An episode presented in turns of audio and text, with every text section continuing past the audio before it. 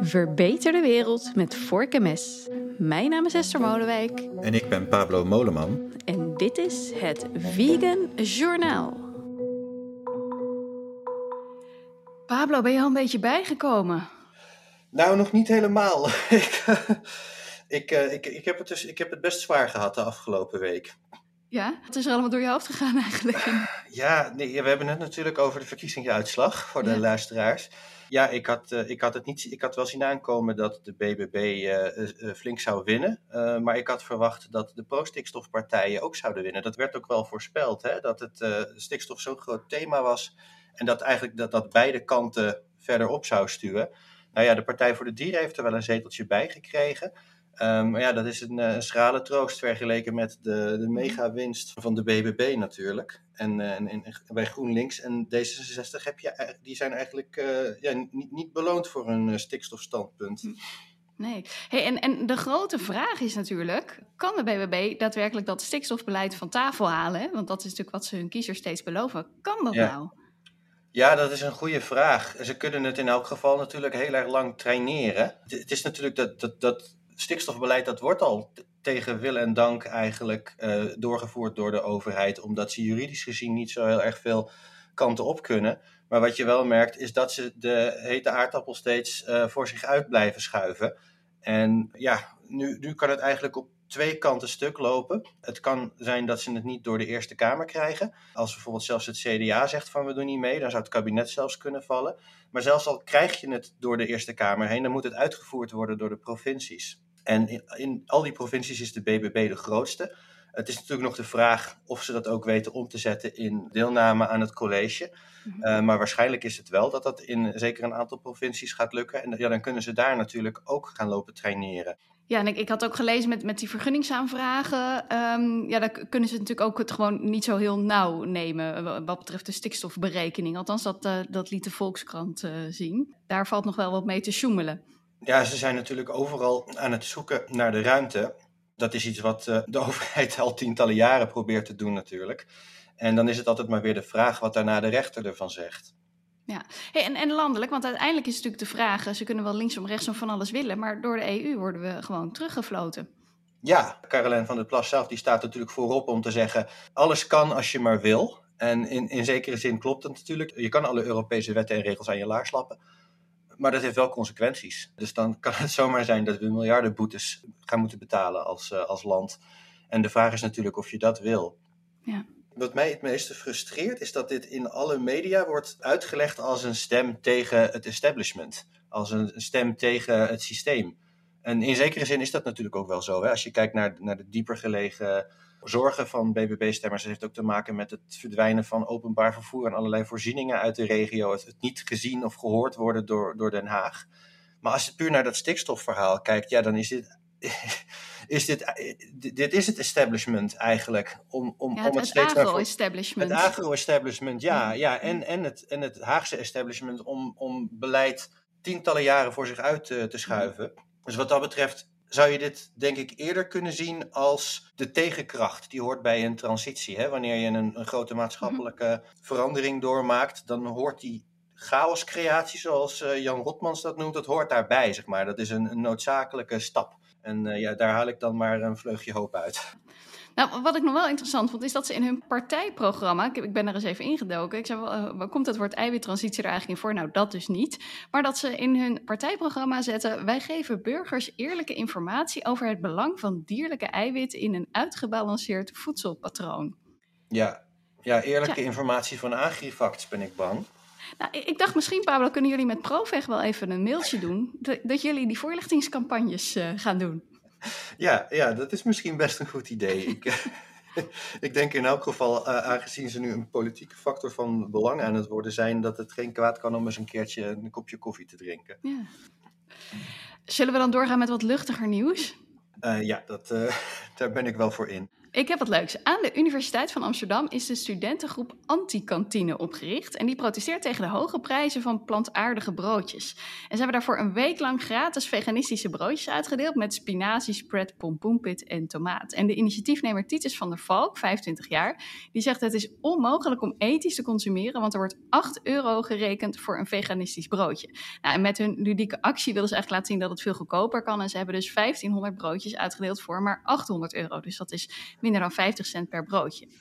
Nou, de cateraar die zegt natuurlijk uh, dat dat onmogelijk is voor die prijs. Ze zegt, daar kun je thuis nog niet eens een broodje voor smeren. En dan uh, zeggen ze, dan moeten wij ook nog huur betalen en schoonmaken en verzekering, et cetera. Dus die vindt het eigenlijk wat onzinnig. En natuurlijk blijven ze het argument gebruiken van, ja, we willen niet naar helemaal veganistisch, want we willen keuzevrijheid blijven bieden aan alle studenten. En wat ik wel weer heel aardig vond, wat die actiegroep daarop zei, is: wij willen dat het eten in de studentenkantine veganistisch wordt, om zo institutionele verantwoordelijkheid te nemen voor dierenrechten en klimaatverandering. Ja, die studenten van tegenwoordig, hè? Ja, geweldig.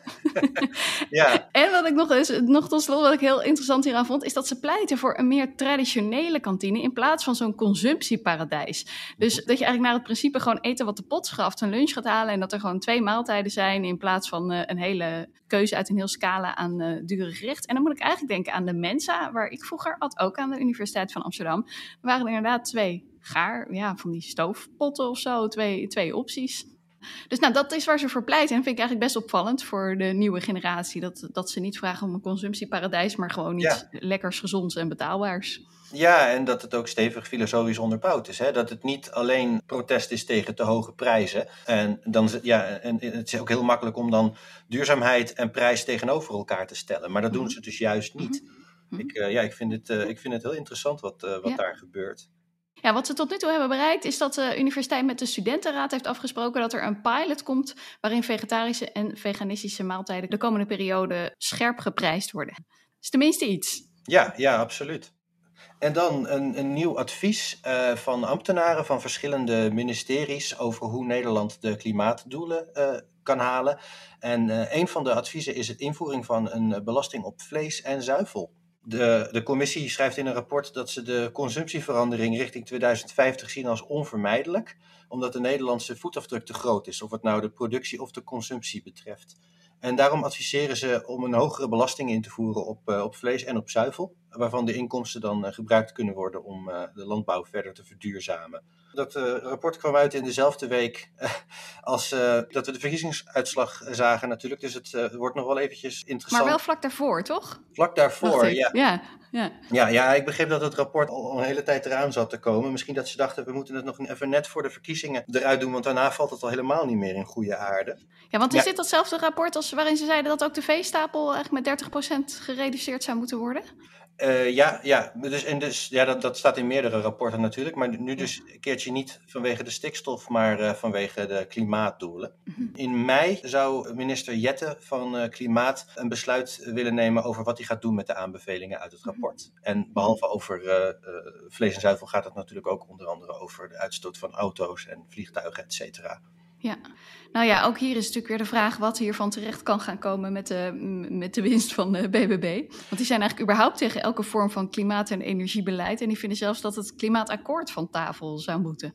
Ja, en wat je ziet is dat ze in elk geval proberen om, om wat er gedaan wordt aan klimaat en, en, en milieu, om dat dan naar de andere industrieën door te schuiven. Dus eigenlijk om de, de, de, de vee-industrie buiten schot te houden en laat dan Schiphol en, en Tata Steel maar, uh, maar krimpen. Ah. Waar op zich ook best ook wel wat voor te zeggen is. Ja, ja, precies. Ja, maar, maar de, de, instelling lijkt vooral om dan in elk geval die boeren zoveel mogelijk buiten schot te houden. En het kan zijn dat ze dat hier ook proberen, want het, het, is natuurlijk een advies en je kan het zien als een soort van menukaart eigenlijk, waaruit je ja, verschillende gerechten kunt kiezen, zeg maar. En het moet dan uiteindelijk wel optellen tot het halen van die klimaatdoelen. En ik kan me voorstellen dat dat alsnog heel erg lastig kan worden, uh, zonder iets te doen aan de vlees- en uh, zuivelconsumptie. Er was toevallig vorige week ook een, een, artikel verschenen in Nature. Dat signaleerde dat de, het voedselsysteem verantwoordelijk is voor 1 graad opwarming, gewoon in zijn uppie. Uh, dus het, het, zal lastig worden, maar ik denk wel dat de BBB uh, het gaat proberen. Dat het voedselsysteem verantwoordelijk is voor 1 graad 1 opwarming? graad opwarming, ja. Ja, ja, ja ongelooflijk. Dus je kunt ja. het eigenlijk gewoon niet negeren. Uh, en dan de vogelgriep. Want mij kwam een staatje onder ogen over wat het ons eigenlijk gekost heeft. En de afgelopen drie jaar, uh, 2020, 21 en 22, heeft dat ons 54 miljoen euro gekost. En ja, dat zit hem dan vooral in de kosten van, uh, ja, van het ruimen van, van, de vogels en de vergoedingen aan de veehouders. Maar de verwachting is dat de werkelijke kosten over die periode toch nog wat hoger zullen liggen, eerder richting de 71 miljoen. maar dat, ja, dat is bizar, hè? Maar dat, dat is eigenlijk nog maar weinig ten opzichte van eerdere zoonoos-uitbraken. Want die heb ik er toen ook eens bij gepakt. En de uitbraak van de varkenspest in 97 kostte de overheid maar liefst 1,4 miljard. Q-koorts 360 miljoen en de vogelgriep van 2003 285 miljoen. Alle mensen. Ja, daar kun je een hoop uh, veganistische producten voor uh, ja. produceren. ja, ja, ja, nee, we zijn er voorlopig nog niet vanaf, die vogelgriep. Nee, en nou, het, over hoeveel vogels gaat het dan? Nou, dat kon ik niet precies over die periode vinden, maar wel dat tussen oktober 21 en oktober 22 werden er 5,8 miljoen vogels. En dat zijn dan natuurlijk voornamelijk kippen uh, geruimd. En nog even over dat bedrag wat ik noemde. Dat is deels uh, komt dat dan van de overheid en deels uit de sector zelf. En de overheid betaalt daarvan altijd minimaal de helft. Nou ja, ik dacht toch even goed om deze getallen voor ogen te hebben. En maar, maar jij had nog iets met, uh, met octopussen, dacht ik. Ja, het debat is geopend over de vraag of je octopussen uh, mag gaan uh, houden in. Uh, ja, ze noemen dat dan kweken, hè? maar kweken dat doe je volgens mij met planten. Um, ja. ja. dus grootschalig houden van. Telen, ja. Telen, ja. nou, ja de in, ja. intensieve octopushouderij, daar hou ik het op. Uh, die bestaat dus op dit moment nog niet. Uh, maar de firma Nueva Pescanova, die wil op de uh, Canarische eilanden een enorme octopusstal gaan openen. Waar um, jaarlijks meer dan een miljoen octopussen per jaar worden gehouden en gedood. En heeft daarvoor een aanvraag ingediend ook voor subsidie bij de Europese Unie. En een paar internationale dierenorganisaties, namelijk de Eurogroup for Animals en Compassion in World Farming, die zijn hun uiterste best aan het doen om de geboorte van die nieuwe octopusindustrie tegen te houden. Want ja, het, het is nogal wat. Het, het, gaat niet alleen om meer dan een miljoen octopussen per jaar, maar de, de leefomstandigheden waarin ze gehouden zouden worden, die zijn ook echt schrijnend te noemen.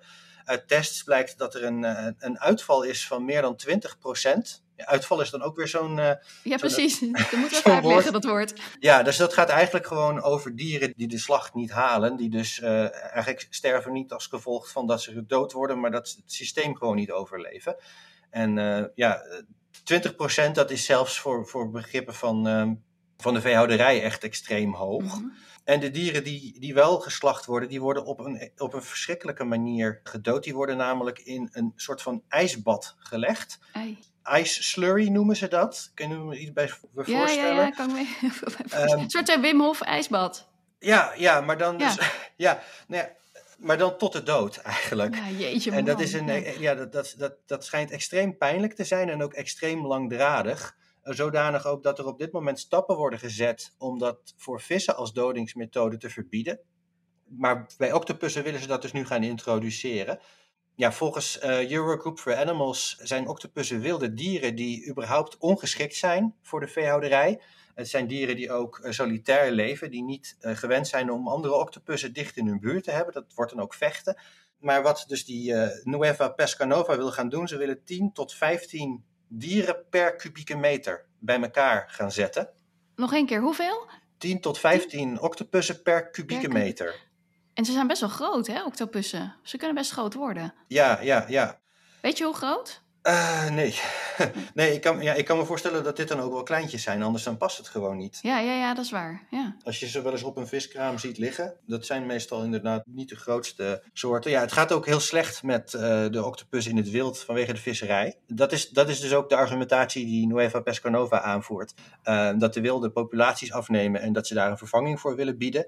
De, de angst is dan wel weer aan de andere kant ja, dat dit de beschikbaarheid van octopusvlees juist gaat vergroten, waardoor de vraag ook weer groter wordt. Ah, ja, ja, ja. En, uh, en Nueva Pescanova zegt dat octopus een superfood is. Jeetje. Hey, en Pablo, ik vraag me nog even af. Uh, je, hebt, je hebt natuurlijk ook gewoon vissen, die, laten we zeggen zalm, die uh, gekweekt wordt. Uh, mm -hmm. En dat, dat mag allemaal. Ja. Wat is de reden die die dierenorganisaties aanhalen waarom dat voor octopus niet zou mogen? Als het met andere vissen wel mag? Ehm, ja, wel, octopussen zijn geen vissen sowieso, hè? Uh, maar, um, wat, wat, zijn ze dan? Uh, ja, ze behoren tot de weekdieren om precies te zijn tot de koppotigen. Dat is niet, niet per se een, een, een diergroep die uh, uh, al heel erg lang in de belangstelling staat om, uh, om hun welzijn. Maar er komt wel steeds meer bewijs voor de gevoeligheid van, van octopussen. Nou ja, heel veel mensen zijn daar natuurlijk ook opeens bewust van geworden nadat ze die film My Octopus Teacher op, ja. op, op Netflix hadden gezien. Ja, ik zet hem even in de show notes. Ja, ja, ja, ja, ja, dat is een prachtige film. Maar er is ook steeds meer wetenschappelijk bewijs. Ook zodanig dat twee jaar geleden het Verenigd Koninkrijk in de wet heeft opgenomen dat octopussen en ook kreeften en krabben dieren zijn die beschermd moeten worden omdat ze bewustzijn uh, hebben. Ja, dat geldt natuurlijk voor vissen ook, dus dat beantwoordt jouw vraag niet helemaal. Ik denk dat Compassion in World Farming en Your Group for Animals hier vooral een kans of een mogelijkheid zien om een, een gehele nieuwe industrie in de kiem te smoren. Want het is natuurlijk een, ja, een stukje makkelijker om vergunningen tegen te houden voor geplande uh, megastallen dan om ze te sluiten als ze er eenmaal zijn. En wat betreft die uh, viskweek, uh, visfok, is natuurlijk de geest al, al uit de fles. En is het ook heel belangrijk om te voorkomen dat die industrie nog, nog verder groeit. Maar het zou, uh, ja, het, het, zou, het zou diep tragisch zijn als de octopussen er ook aan worden toegevoegd. En je zou nog wel kunnen zeggen dat die vissen, um, veel vissoorten in elk geval, het hangt natuurlijk af van de soort, dat die het beter gedijen in omstandigheden met veel andere vissen om zich heen. Omdat die al wat meer in, in scholen zwemmen dan octopussen dat ze gewend zijn. Ja. ja. ja. Hey, en uh, als er nou luisteraars zijn die denken, daar wil ik iets tegen doen, kunnen ze ergens een handtekening zetten? Of is er een of andere actie waar we aan mee kunnen werken? Ja, ja uiteraard. Ja, er, zijn verschillende uh, petities die lopen uh, tegen deze farm in de Canarische eilanden, en, maar ook andere. Want er zijn verschillende plekken in de wereld waar op dit moment uh, dit soort plannen gemaakt worden. Dus we kunnen denk ik wel een rijtje in de, in de show notes zetten. En wat je sowieso natuurlijk ook altijd kan doen, is Compassion in World Farming of Your Group for Animals steunen met een donatie. Nou, zullen we dan, zullen we dan snel stoppen, Pablo, zodat iedereen dat kan gaan doen? Ja, ja dat is goed. Oké. Okay. Hey, uh, dank je wel weer en uh, benieuwd wat we over twee weken weer hebben. Ja, zeker.